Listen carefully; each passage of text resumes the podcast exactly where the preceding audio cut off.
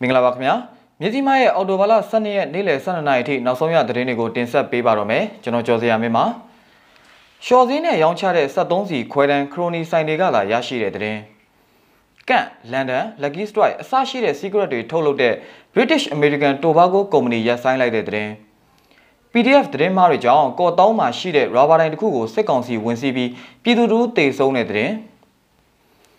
COVID-19 ဖြစ်ပွားမှုနှေးကွေးသွားတာကြောင့်မလေးရှားမှာခီးသွွားကန့်သက်ချက်ဖြေလျှော့လိုက်တဲ့သတင်းအစရှိတဲ့ပြည်တွင်းနဲ့နိုင်ငံတကာသတင်းတွေကိုတင်ဆက်ပေးသွားတော့မှာဖြစ်ပါတယ်ခင်ဗျာပထမဆုံးသတင်းတစ်ပုဒ်အနေနဲ့ရှော်စင်းနဲ့ရောင်းချတဲ့73စီခွဲတန်းခရိုနီဆိုင်တွေကသာရရှိတဲ့သတင်းကိုတင်ဆက်ပေးခြင်းပါတယ်73စီလုပ်ငန်းရှင်များအသင်းကရှော်စင်းနဲ့ရောင်းချပေးတဲ့စီခွဲတန်းကိုစစ်ကောင်စီနဲ့နှီးစပ်တဲ့ကုမ္ပဏီကြီးများပိုင်တဲ့စီဆိုင်များကသာရရှိတယ်လို့ SME 73စီအယောင်းဆိုင်ပိုင်ရှင်တွေကပြောပါတယ် စစ်ကောင်စီက73စီလုပ်ငန်းရှင်များအသင်းကိုဒေါ်လာတန်း30ချထားပေးပြီးအပြင်ပေါက်ဈေးထက်နည်းတဲ့နှုန်းသားနဲ့စိုင်တွေကိုခွဲတန်းချပေးရန်ညွှန်ကြားခဲ့တယ်လို့နေပြည်တော်မှာရှိတဲ့73စီအယောင်းဆိုင်ပိုင်ရှင်တူကပြောပါတယ်စစ်ကောင်စီကချပေးတဲ့ဒေါ်လာတန်း30မှာ15တန်းဖိုးရောင်းကုန်သွားပြီးတဲ့နောက်လက်ရှိဒေါ်လာ10တန်းဖိုးရောင်းချပေးနေတာဖြစ်ပြီး9တန်းဖိုးသာရောင်းချရန်ကြံတော့တယ်လို့သိရပါတယ် ပြင်ပပေါက်ဈေးဓာတ်ဆီ1လီတာကို2200ကျပ်ပေါက်ဈေးနဲ့ရောင်းချနေချိန်မှာ73စီအသင်းက1900ကျပ်နဲ့ရောင်းပေးပြီးအချင်းချင်းသာခွဲတန်းချရောင်းချနေခြင်းဖြစ်တယ်လို့သူကပြောပါတယ်။အခုခွဲတန်းရတဲ့ဆိုင်တွေကကုမ္ပဏီကြီးတွေပိုင်တဲ့ဆိုင်တွေကြီးပဲ။သူတို့ကအဲ့ဒါကို SME ဆိုပြီးပြောထားတာတကယ်သေးတဲ့ SME ဆိုင်တွေကခွဲတန်းမရတော့ငုတ်တုတ်ထိုင်နေရတာပေါ့။400လောက်ကွာနေတာကိုဘယ်လိုရောင်းနိုင်မလဲလို့နေပြည်တော်မှာရှိတဲ့73စီအယောင်းဆိုင်ပိုင်ရှင်တူကပြောပါတယ်။ ရင်မောင်းတွေအနေနဲ့လည်းခွဲရမ်းရတဲ့ဆိုင်တွေကိုတွားရောက်စီထည့်ရမှာအပြည့်အဝမရရှိပဲကားငယ်တစ်စီးကိုဆိုင်ကတတ်မှတ်ထားတဲ့နှုံသားအတိုင်း2000ဘို့ထက်ပိုဖြစ်၍မရလို့ကုန်တင်ရင်မောင်းတူကပြောပါတယ်မြန်မာနိုင်ငံတနိုင်ငံလုံးမှာ73စီအယောင်းဆိုင်ပေါင်း2000ဝန်းကျင်ခန့်ရှိပြီးလက်ရှိမှာခွဲရမ်းရတဲ့ဆိုင်မှာ46ဆိုင်ခန့်သာရှိတယ်လို့သိရပါတယ်နောက်ထပ်သတင်းတစ်ပုဒ်ကတော့ကတ်လန်ဒန် Lucky Strike အစရှိတဲ့ secret တွေထုတ်လုပ်တဲ့ British American Tobacco Company ရပ်ဆိုင်းလိုက်တဲ့သတင်းကိုတင်ဆက်ပေးပါမယ်။ ကန့်လန်ဒန် Lucky Strike အစရှိတဲ့ secret တွေထုတ်လုပ်တဲ့ British American Tobacco Company ဟာအော်တိုဘာလ6ရက်နေ့ကစတင်ပြီးလုပ်ငန်းရပ်ဆိုင်းကြောင်းကုန်သည်တွေကိုအတိပေးအကြောင်းကြားခဲ့ပါတယ်။ British American Tobacco Company ရဲ့အကြောင်းကြားစာမှာ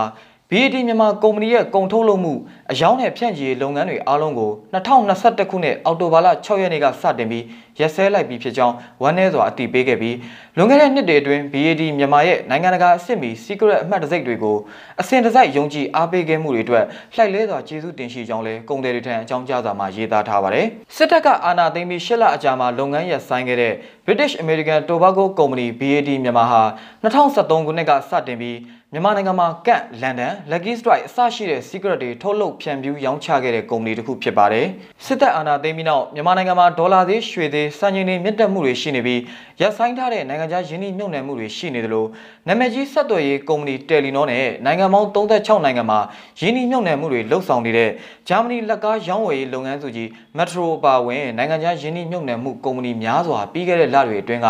လုပ်ငန်းပိတ်သိမ်းထွက်ခွာသွားခဲ့ကြပါတယ်။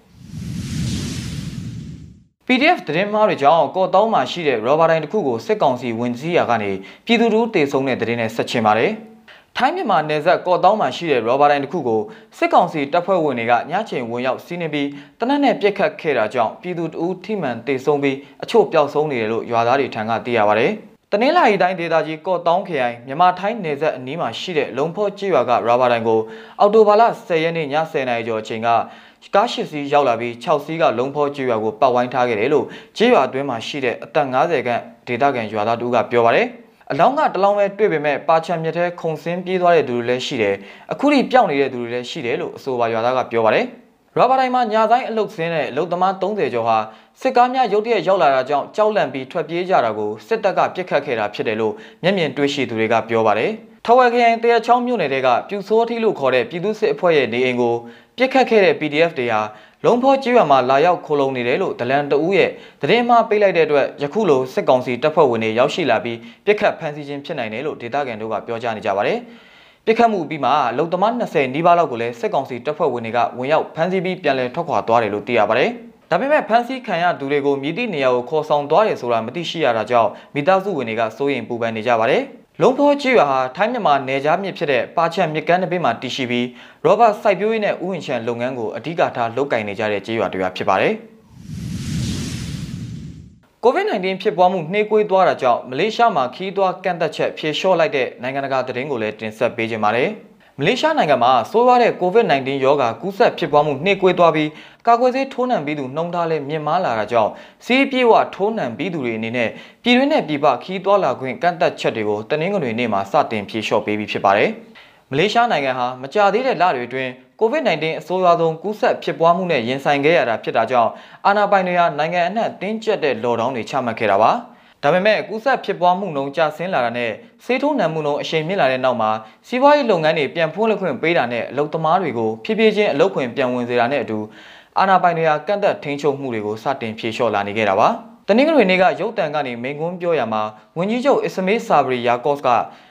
ကာကွယ်ဆေးပြေဝထုံးနှံပြီးသူတွေဟာနိုင်ငံတွင်းလွတ်လပ်စွာတွာလာနိုင်ပြီဖြစ်တယ်လို့အထူးခွင့်ပြုချက်မလိုပဲပြည်ပလည်းထွက်ခွာနိုင်ပြီလို့ကြေညာခဲ့ပါတယ်။ကျန်းမာရေးဝန်ကြီးဌာနရဲ့အဆိုအရရွယ်ရောက်ပြီးသူတွေကာကွယ်ဆေးထိုးနှံတဲ့နှုန်းထားဟာ90ရာခိုင်နှုန်းအထိရောက်ရှိကြောင်းသိရတယ်လို့ တနင်္လာနေ့မှာစတင်အသက်ဝင်မဲ့အခုလိုဖြေလျှော့ပေးရတာနဲ့ပတ်သက်ပြီးဝန်ကြီးချုပ်ကရှင်းလင်းပြောကြားပါတယ်။ဒါပေမဲ့ပြည်သူတွေအနေနဲ့နှာခေါင်းစည်းတက်ဆင်တာကနေဗိုင်းရပ်စစ်ဆေးတာတွေလိုစီးမြင့်တွေကိုတော့ဆက်လက်လိုက်နာကြရလိမ့်မယ်လို့သူကသတိပေးပါတယ်။လွတ်လပ်ပြီးစော်ပြီးပေါ့ဆမသွားသင့်ဘူး။ဒါစီးပွားရေးပြန်ဖွင့်နိုင်ဖို့အစိုးရကအားထုတ်နေတာမှာအရေးကြီးတယ်ဆိုပြီးဝန်ကြီးချုပ်အစ္စမေးဆာဘရီကပြောပါတယ်။မလေးရှားမှာဇန်နဝါရီလကစလို့နိုင်ငံတွင်းပြည်내ချင်းကြားတွာလာမှုကိုတားမြစ်ထားခဲ့တာဖြစ်ပါတယ်။ပြည်ပခီးထွက်ခွင့်ကိုလည်းအစိုးရစနစ်တရက်ကနေပြီး လျှောက်ထားရတဲ့အထူးခွင့်ပြုချက်ရရှိသူတွေကိုပဲထွက်ခွာသွားရောက်ခွင့်ပြုထားခဲ့တာဖြစ်ပါတယ်။မလေးရှားဟာမနှစ်ကကပ်ဘေးစတင်ချိန်မှာကန့်သက်တားမြစ်ချက်တွေချမှတ်ပြီးနေဆက်ကိုပိတ်ရင်း virus ပထမလိုင်းကိုအတော်လေးရှောင်ရှားနိုင်ခဲ့တာဖြစ်ပါတယ်။ကူးစက်မှုပုံမြန်တဲ့ data မျိုးကွက်ကြောင့်အခုနှစ်မှာတော့အတော်လေးအထိနာခဲ့တာဖြစ်ပြီး August လအတွင်းမှာတစ်နေ့ကိုကူးစက်မှုပေါင်း2000ကျော်ထက်မနည်းရှိခဲ့တယ်လို့